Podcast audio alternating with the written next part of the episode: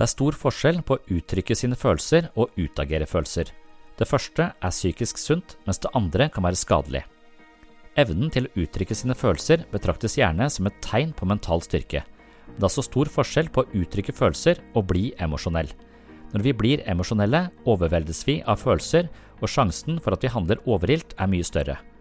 Følelser er en viktig del av vårt psykologiske liv, men når de overstyrer alle andre prosesser, havner vi i følelsenes vold.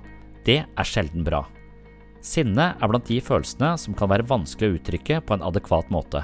For noen er sinne en følelse som får overtaket og ansporer til en form for utagering man angrer på i etterkant.